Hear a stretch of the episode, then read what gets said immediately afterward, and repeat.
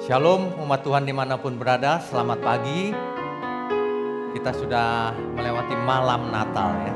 Ini di pagi hari kita kembali akan uh, bertemu dalam suatu ibadah. Kita akan bahas firman Tuhan. Kita akan terus belajar kebenaran. Untuk itu mari kita siapkan hati. Kita tundukkan kepala lebih dahulu. Bapa di surga, perkenanlah, perkenankanlah kami agar di sisa umur hidup kami ini kami selalu ada di sampingmu Tuhan. Belajar terus kebenaran, meresponi undangan Tuhan. Bapa di surga, pakai channel ini, pakai khotbah pagi ini untuk menyadarkan semua umat manusia bahwa mereka juga diundang ke pesta di surga. Tidak terkecuali siapa pun. Mohon berkati mulut hambamu untuk menyampaikan kebenaran ini. Hanya di dalam nama Tuhan Yesus kami berdoa dan mengucap syukur. Amin. Bapak Ibu sekalian, sebenarnya Tuhan itu tidak membeda-bedakan manusia. Tuhan itu menganggap semua manusia itu sama. Tuhan sangat mengasihi semua kita. Tidak ada beda sama sekali, Bapak Ibu. Itu sebabnya kita juga tidak boleh membeda-bedakan manusia. Kasih kita harus sama. Lalu mengapa terjadi perbedaan satu dengan yang lain? Karena manusianya, Bapak Ibu. Saudara sekalian, kenapa satu orang dipakai Tuhan lebih luar biasa dibanding yang lain? Karena manusianya yang meresponi anugerah Tuhan berbeda-beda. Ada manusia yang bisa dipercaya, ada yang tidak bisa dipercaya. Ada manusia yang setia, taat sampai mati. Ada yang tidak taat. Sehingga hidupnya tentu saja berbeda.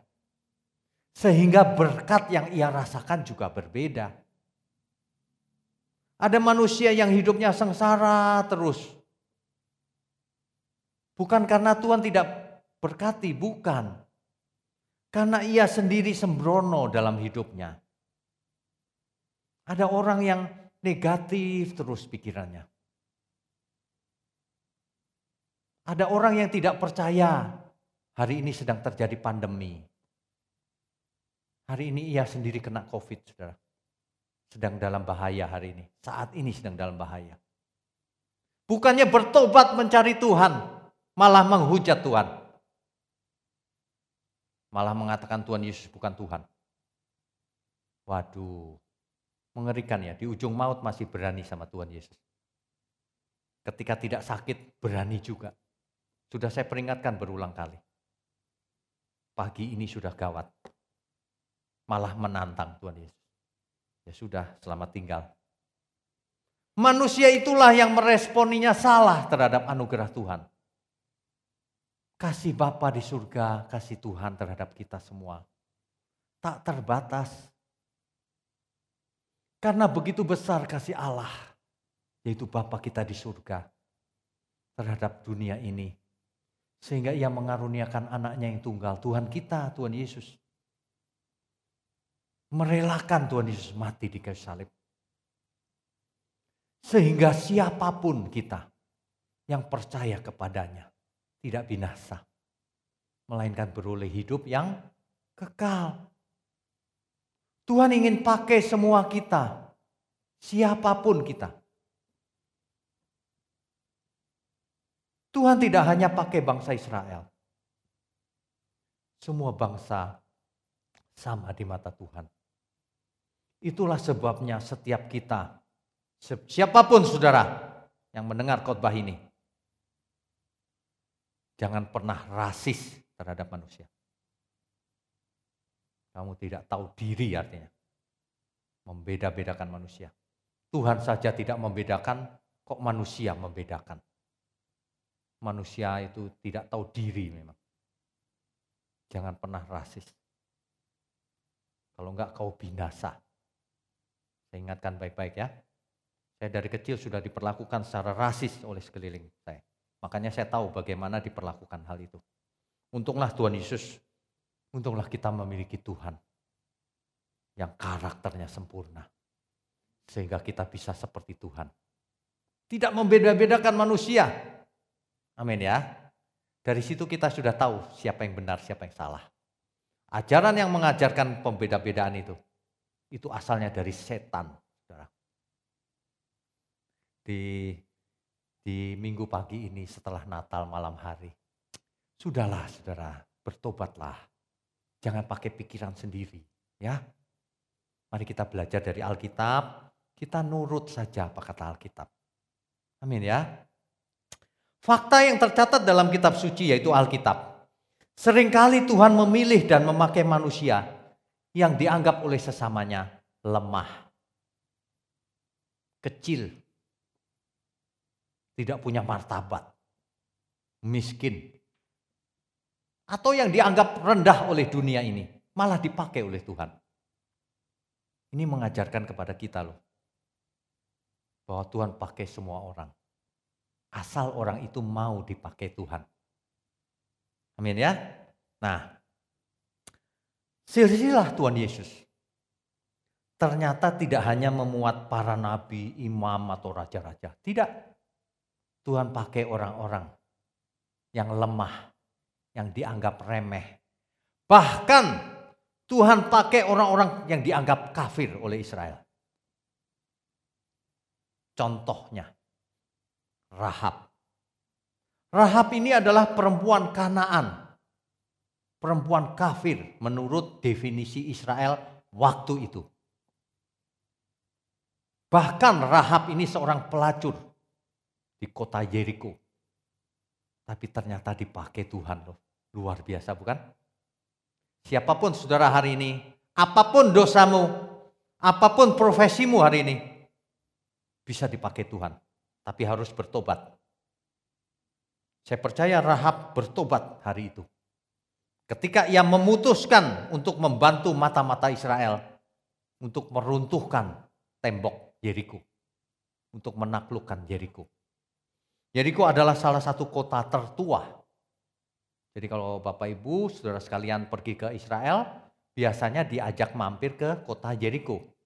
Kota Jericho adalah kota yang sangat kuno. Mengingatkan kita akan peristiwa ini. Mata-mata Israel mengintai kota itu. Kekuatannya di mana ya, bagaimana menghancurkannya dan sebagainya. Disembunyikan oleh Rahab sang pelacur. Ini artinya Rahab punya nurani. Dan perbuatannya itu dibenarkan oleh Tuhan. Perbuatannya yang mana? Yang membela mata-mata Israel. Artinya ia mendudukan diri di pihak Israel ketika itu. Di pihak Tuhan. Meskipun ia seorang pelacur. Tapi saya percaya sesudah itu ia berhenti jadi pelacur. Dan ini bayangkan seorang pelacur yang perempuan Kanaan yang bukan Israel. Ia melakukan perbuatan kebenaran hari itu. Padahal selama ini ia berbuat dosa. Tapi hari itu ia berbuat kebenaran. Dan itulah dibenarkan. Ya, Ia menyembunyikan dua pengintai Israel di rumahnya. Sehingga akhirnya ketika Yeriko runtuh, Rahab dan seluruh keluarganya selamat. Bahkan namanya masuk daftar saksi-saksi iman. Ibrani 11 ayatnya yang ke-31. Coba kita lihat ya, kita bacakan. Ibrani pasal 11 ayat 31. Karena iman maka Rahab perempuan sundal itu tidak turut binasa bersama-sama dengan orang-orang durhaka. Karena ia telah menyambut pengintai-pengintai itu dengan baik. Perhatikan Bapak Ibu. Kalau Rahab tidak berbuat itu, ia binasa. Artinya apa? Perbuatannya itu membela Israel yang ada di pihak Tuhan, itulah yang menyelamatkan dia. Siapa bilang perbuatan tidak menyelamatkan? Perbuatan baik tidak menyelamatkan, benar. Tapi perbuatan yang melakukan kehendak Tuhan, itulah yang menyelamatkan. Tentu saja kalau Yesus tidak mati di kayu salib, kita semua tidak selamat. Tapi karena Tuhan Yesus mati di kayu salib, maka kita semua wajib melakukan kehendak Tuhan. Jangan pasif tidak melakukan apa-apa tapi merasa selamat, merasa beriman. Itu teologi yang salah. Itu saya ulang-ulang loh. Tapi banyak orang tidak mengerti. Tidak mau mengerti. Ya. Rahab saja selamat. Ini kata Alkitab. Siapa berani melawan Alkitab? Bapak Ibu Saudara sekalian nanti dibaca eh, Ibrani pasal 11 seluruhnya. Karena saksi iman banyak. Tentu saja ada tingkatan iman. Imannya Rahab tidak bisa dibandingkan dengan imannya Abraham. Tidak bisa jelas. Tapi imannya Abraham juga tidak bisa dibandingkan dengan teladan yang sempurna Tuhan Yesus. Amin ya. Oke, kita lanjutkan. Nah, Rahab ini kemudian menikah dengan Salmon dari suku Yehuda dan melahirkan Boas. Boas inilah yang akhirnya menikah dengan Ruth yang menjadi kakek buyut Raja Daud. Dan kita tahu Mesias lahir dari keturunan Daud. Bayangkan sang Mesias, nenek moyangnya Rahab, sang pelacur. Ini sengaja supaya kita semua tidak menghakimi sesama. Kalau ketemu dengan pelacur menghina, tidak boleh. Makanya ketika ada seorang bekas pelacur yang bertobat, itu pun malaikat di surga bertepuk tangan. Jangan terikat masa lalu. Masa lalu semua orang berdosa. Jangan pernah menghakimi siapa pun. Kita harus mengasihi semua orang berdosa. Asal orang itu mau bertobat. Kalau tidak mau bertobat, kebaskan debu. Jangan buang-buang waktu dengan orang yang tidak mau belajar. Ya. Oke.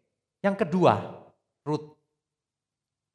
Ruth ini adalah perempuan Moab, bukan perempuan Israel. Tentu saja perempuan Moab disebut perempuan kafir juga. Di luar Israel pokoknya dianggap kafir oleh orang Israel zaman itu. Ya.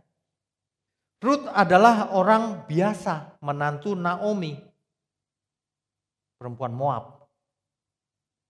Tapi ketika menantunya Naomi meninggalkan Naomi, ada dua kan menantunya, Ruth malah setia mendampingi Naomi. Gara-gara itulah akhirnya Ruth menikah dengan Boas dan melahirkan Obed, Isai, kemudian Daud, dan itulah silsilah Mesias. Rupanya silsilah Mesias, nenek moyangnya ada orang Kanaan, ada orang Moab. Ya. Jadi jangan suka anggap enteng manusia lain apalagi anggap remeh. Jangan ya, Tuhan sendiri tidak begitu. Ya, Tuhan mengasihi semua orang, bahkan orang yang dianggap rendah oleh dunia ini. Ya. Yang luar biasa adalah Maria. Maria ini manusia biasa, tetapi dipilih oleh Tuhan, dipilih oleh Allah untuk melahirkan Mesias. Bayangkan saudara, hari itu Taurat masih berlaku. Barang siapa berjinah harus dihukum rajam. Harus dirajam sampai mati. Tapi apa yang terjadi ketika Maria menerima berita dari sang malaikat? Coba kita baca. Lukas 1 ayat 38. Lukas pasalnya yang pertama ayat 38. Kata Maria, sesungguhnya aku ini adalah hamba Allah, hamba Tuhan. Jadilah padaku menurut kehendakmu itu. Lalu malaikat itu meninggalkan dia. Ini respon yang tidak main-main loh. Saudara. Maria tidak pernah bersetubuh dengan siapa pun. Dengan Yusuf sekalipun, dengan tunangannya. Tapi malaikat itu menjumpai Maria. Dan malaikat itu berkata demikian di ayat 30. Kata malaikat itu kepadanya, "Jangan takut, hai Maria, sebab engkau beroleh kasih karunia di hadapan Allah. Sesungguhnya engkau akan mengandung dan akan melahirkan seorang anak laki-laki, dan hendaklah engkau menamai dia Yesus. Ia akan menjadi besar dan akan disebut anak Allah yang maha tinggi, dan Tuhan Allah akan mengaruniakan kepadanya tahta Daud Bapa leluhurnya. Bapak Ibu, saudara sekalian bisa bayangkan gak ketika Maria mendengar hal itu? Engkau akan mengandung Maria. Waduh, pasti dia takut. Mengandung oleh siapa ini? Tapi dijelaskan, anak itu akan disebut anak Allah yang maha tinggi. Ia adalah Mesias. Respon Maria sungguh luar biasa. Meskipun Maria tahu konsekuensinya, resikonya, ia bisa dirajam oleh semua orang. Ia bakalan ditinggalkan oleh Yusuf, tunangannya itu. Tapi responnya Maria, sesungguhnya aku ini adalah hamba Tuhan. Oleh karena itu jadilah padaku menurut perkataanmu itu. Luar biasa ya saudara. Ini merupakan pelajaran buat kita semua bahwa kita juga harus sama. Sesungguhnya aku adalah hamba Allah. Jadilah padaku sesuai kehendakmu Tuhan. Mestinya begitu. Makanya Bapak Ibu, saudara sekalian. Kalau baca Alkitab itu harus dihayati. Oh dahulu Maria seperti itu sikapnya. Kita pun harus seperti itu. Oh Tuhan memilih perempuan Kanaan, perempuan Moab, yang tidak dianggap oleh orang Israel sebagai nenek moyang Mesias. Ini pelajaran penting loh buat kita semua.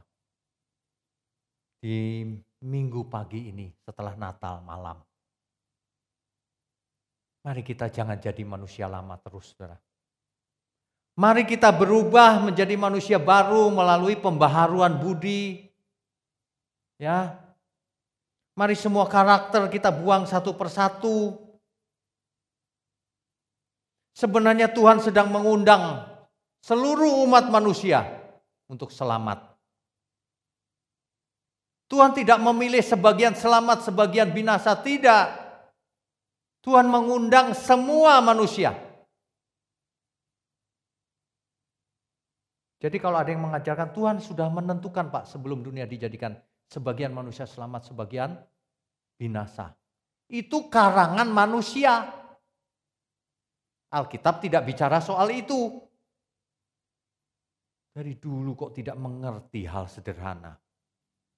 Saya mau bacakan satu pelajaran berharga dari Tuhan Yesus sendiri.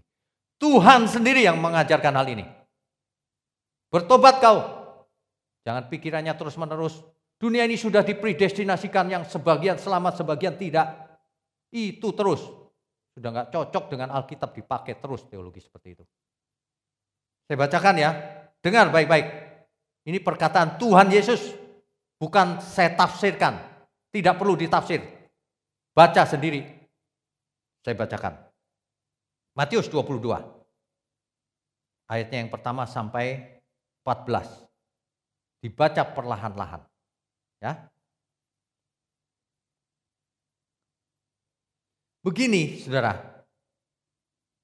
Tuhan Yesus mengajar sangat jelas.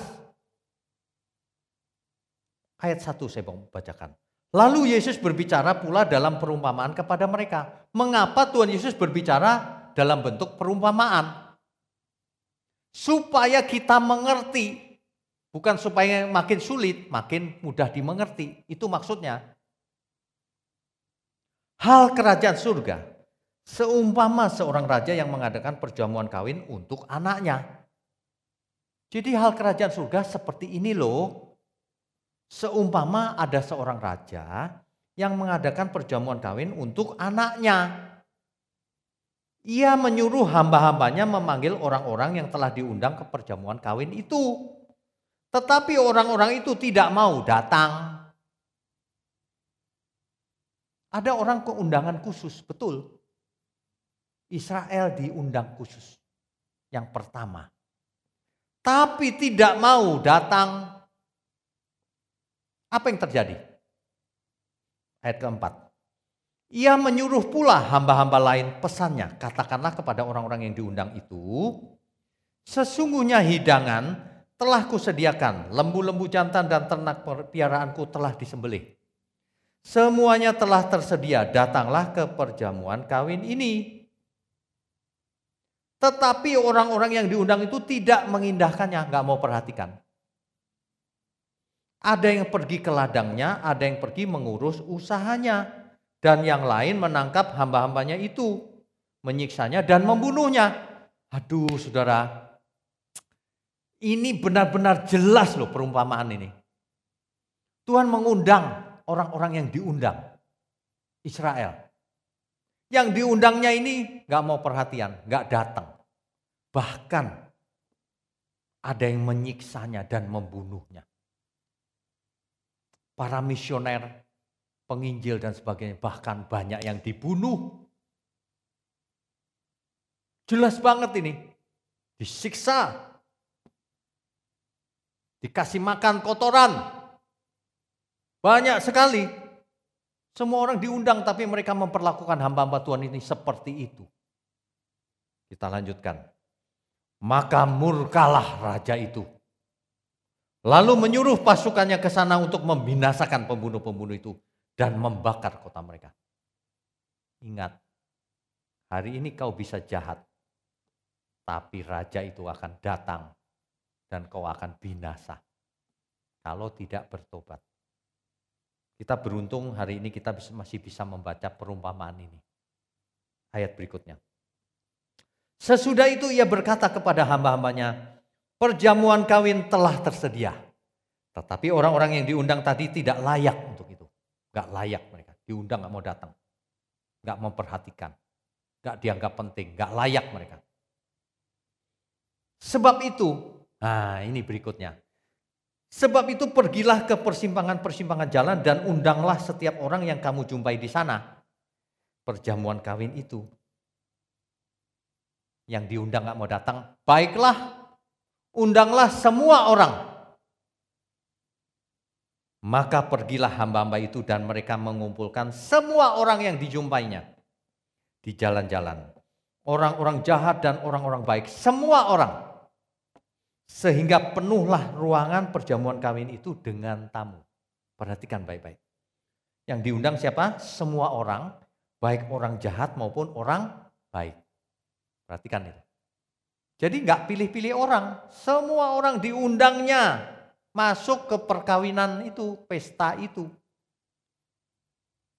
Ketika raja itu masuk untuk bertemu dengan tamu-tamu itu, ia melihat seorang yang tidak berpakaian pesta. Apa maksudnya? Diundang pesta tapi sembarangan pakaiannya. Nggak mau mempersiapkan diri pakaian pesta. Berarti tidak menghargai undangan raja itu. Mereka cuma mau datang, mau makan-makan. Ya, oke, apa yang terjadi? Ia berkata kepadanya, raja itu berkata kepada orang-orang yang tidak pakai pakaian pesta itu. Hai saudara, bagaimana engkau masuk kemari dengan tidak mengenakan pakaian pesta?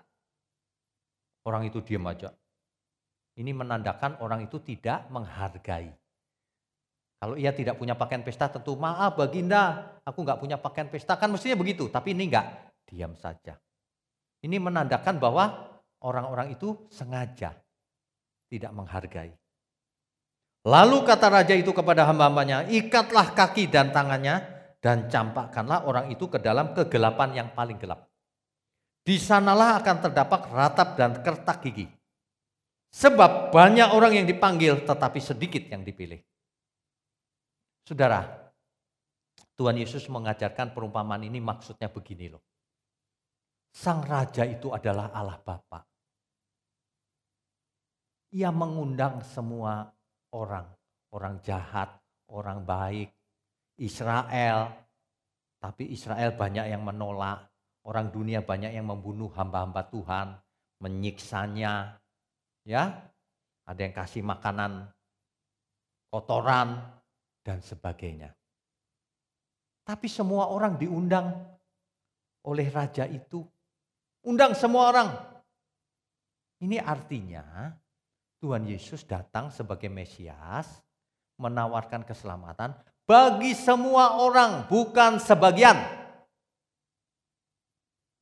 Kalau orang berpikiran bahwa Allah menawarkan sebagian keselamatan kepada uh, maksudnya menawarkan keselamatan hanya ke sebagian orang, berarti orang itu sedang melawan Tuhan Yesus perumpamaan ini. Berarti orang-orang itu teolog-teolog itu sedang melawan Alkitab. Sebab ini jelas sekali yang diundang semua orang. Bukan hanya orang tertentu. Tidak ditentukan dari sebelum dunia dijadikan, tidak. Ini perintah Tuhan Yesus. Perintah Bapak di surga, undang semua orang. Gitu. Amin ya. Tapi ada satu hal lagi yang saya mau tekankan. Ada yang datang sih, percaya ngakunya, tapi tidak pakaian pakai pakaian pesta. Ditolak, dibuang ke laut ke kegelapan yang paling gelap. Ditolak Tuhan. Apa artinya? Tidak pakai pakaian pesta. Datang kepada Tuhan tidak pakai kekudusan, tidak hidup kudus. Sudah jelas kuduslah kamu sebab aku kudus. Tapi mereka tidak pakai hidup kekudusan. Hidupnya tidak kudus. Nah ini. Jadi semua orang yang mengaku percaya tapi hidup tidak kudus, ditolak Tuhan nantinya. Itu arti perumpamaan ini. Jadi kuduslah kamu sebab aku kudus, kata Tuhan. Herannya tadi pagi ada yang menghubungi saya. Pak, saya kalau khotbah tentang kekudusan ditegur, Pak. Ditegurnya gimana? Gak usah kudus-kudus kamu kayak siapa aja. Loh, nanti yang menguduskan itu Tuhan Yesus di surga. Loh, waduh. Aduh saudara, pokoknya ya ajaran yang membuat kita tidak bertanggung jawab, yang kita merasa selamat, gak ngapa-ngapain selamat, itu ajaran salah itu saudara. Jangan diikuti. Saudara itu mau ikut ajaran yang salah itu sampai kapan? Ini Natal keberapa saudara ikuti? Sebentar lagi kita semua menutup mata. Mati saudara. Kita bertobat yuk. Ya, amin ya. Ditata akal budinya yang benar. Oh Tuhan tidak menginginkan seorang pun binasa. Oh, Oke, okay. baik Tuhan terima kasih. Kenapa ada yang binasa? Dia yang menolak pengenalan itu. Kenapa ada yang binasa? Dia tidak hidup kudus, tidak bertobat. Makanya dosanya tidak diampuni. Meskipun Tuhan Yesus mati di kayu salib. Ada amin semua? Mari kita hidup kudus, tak bercacat, tak bercelah. Mari kita responi anugerah Tuhan. Sehingga hidup kita berkenan bagi Tuhan. Ada amin ya? Sebab tanpa pertobatan tidak ada keselamatan. Tidak ada.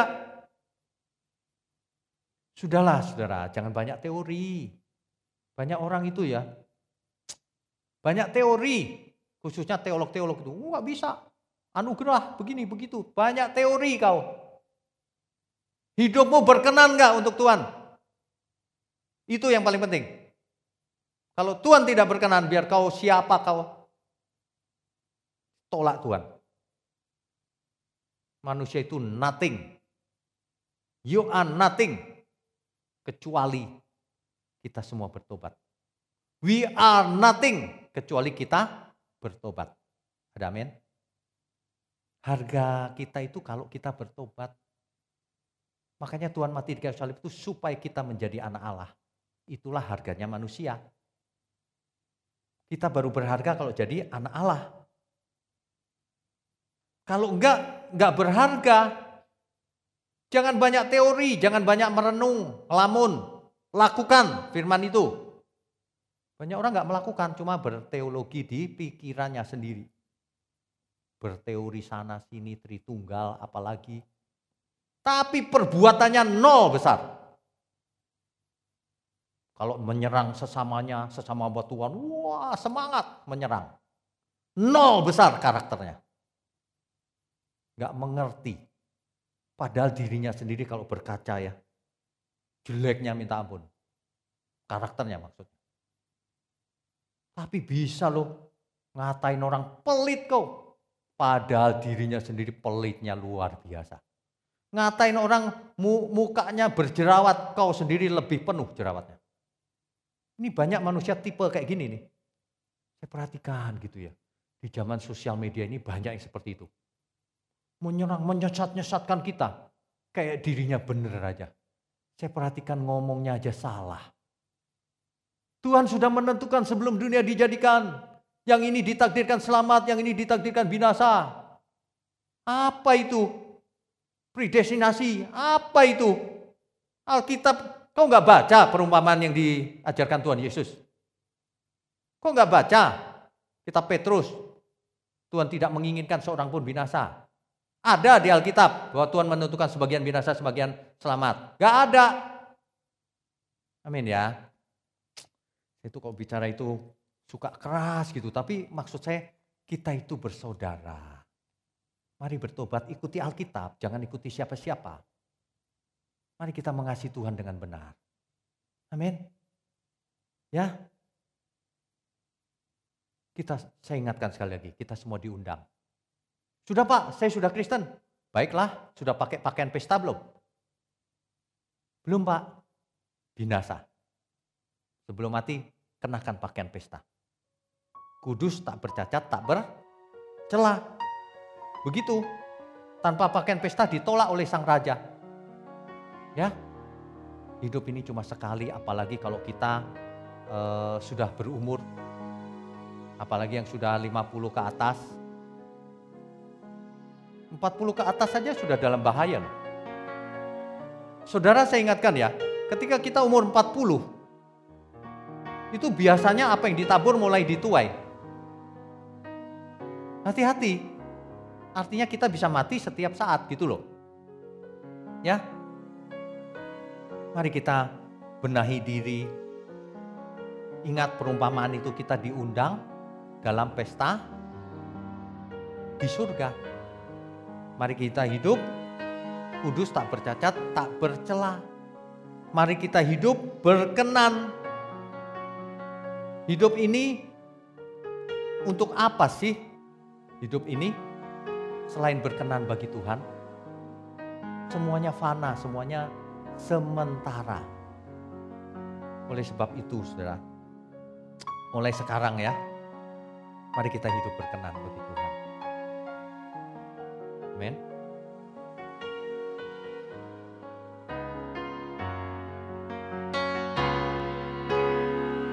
Tuhan, berkenankan aku selalu ada di sampingmu Sejak ku hidup di bumi sampai di keabadian Ku iri Tuhan. Tuhan ku pegang janji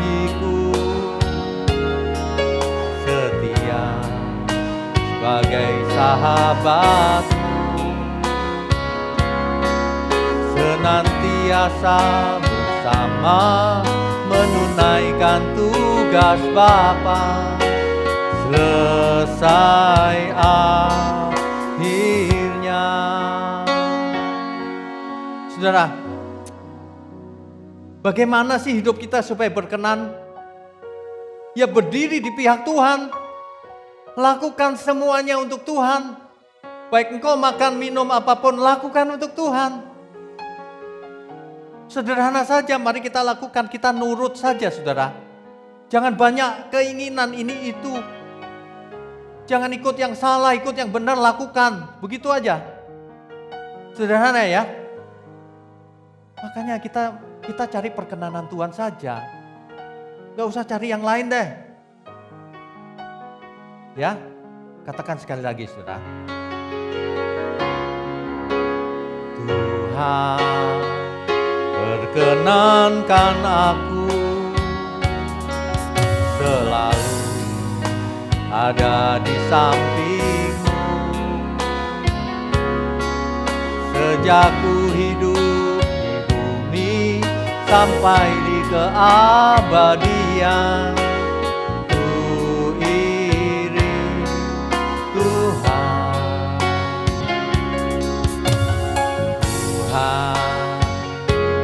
pegang janjiku. Setia sebagai sahabat senantiasa bersama menunaikan tugas Bapa. Selesai akhirnya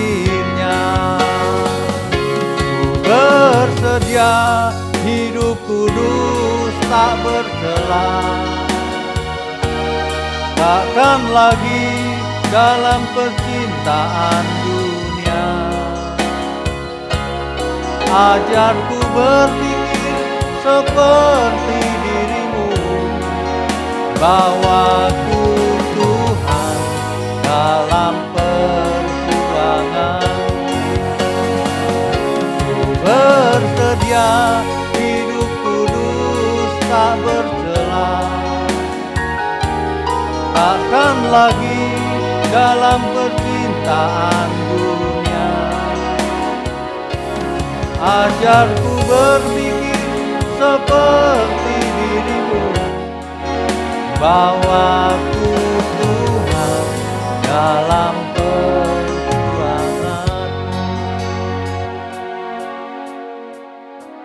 Bapak Ibu sekalian sebenarnya masa depan kita itu yang menentukan kita sebab Tuhan sudah lakukan segala sesuatunya Tuhan sudah sediakan anugerahnya yang lengkap, yang sempurna. Tapi Tuhan ingin keputusan dari kita. Apakah kita mau hidup bertobat, memberikan seluruh hidup kita pada Tuhan atau tidak? Jadi nasib kita ada di tangan kita sebagian, saudara. Sebagian lagi sudah diberikan Tuhan, sudah dikerjakan oleh Tuhan. Sekarang semuanya tergantung dari kita. Bagaimana kita hidup sampai kita menutup mata. Bapak Ibu jangan terintimidasi dengan dosa masa lalu. Semua orang buat dosa. Lupakan dosa masa lalu. Meskipun dosamu merah seperti kirmisi, akan menjadi putih seperti salju. Tidak ada yang tidak mungkin bagi Tuhan. Segala sesuatu mungkin. Apa pun dosamu, akan menjadi putih. Itulah anugerah yang tak terbatas. Tetapi ada bagian kita. Kita harus bertobat. Datang ke pesta itu mengenakan pakaian pesta. Hidup kudus tak bercacat, tak bercela artinya. Amin saudara. Ku bersedia hidup kudus tak bercela takkan lagi dalam percintaan dunia ajarku berpikir seperti dirimu Tuhan dalam perjuangan ku bersedia hidup kudus tak bercelah takkan lagi dalam percintaan dunia. Ajarku berpikir seperti dirimu. Bawaku Tuhan dalam perjuangan Bapak Ibu sekalian kitalah yang menentukan masa depan kita. Tuhan sudah memberikan roh kudus dalam diri kita. Yang memimpin kita pada masa depan yang penuh harapan. Apakah kita mau dipimpin roh kudus? Apakah kita mau memakai pakaian pesta itu? Yaitu hidup kudus tak bercacat, tak bercelah. Sekali lagi selamat Natal. Selamat menjadi anak-anak Allah yang maha tinggi.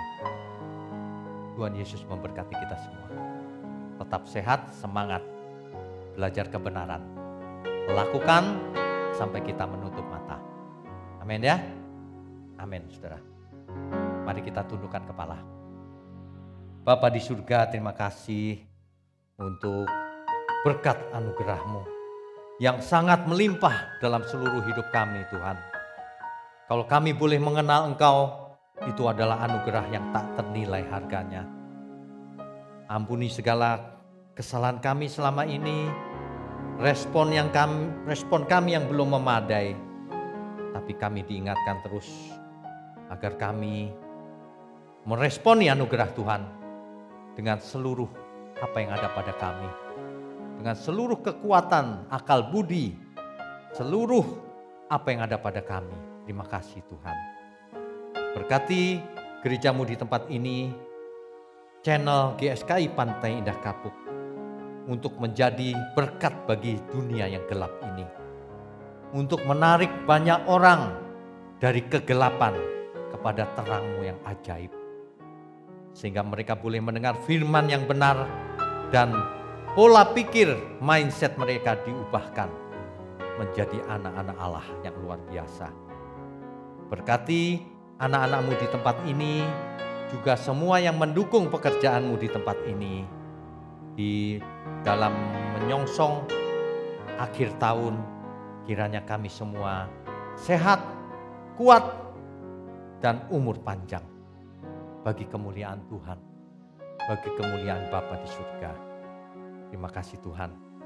Kami sambut segala berkat, baik berkat jasmani maupun berkat rohani, turun atas kita semua, turun dari surga. Di dalam nama Bapa, Putra dan Roh Kudus. Haleluya. Semua yang percaya katakan amin. Amin.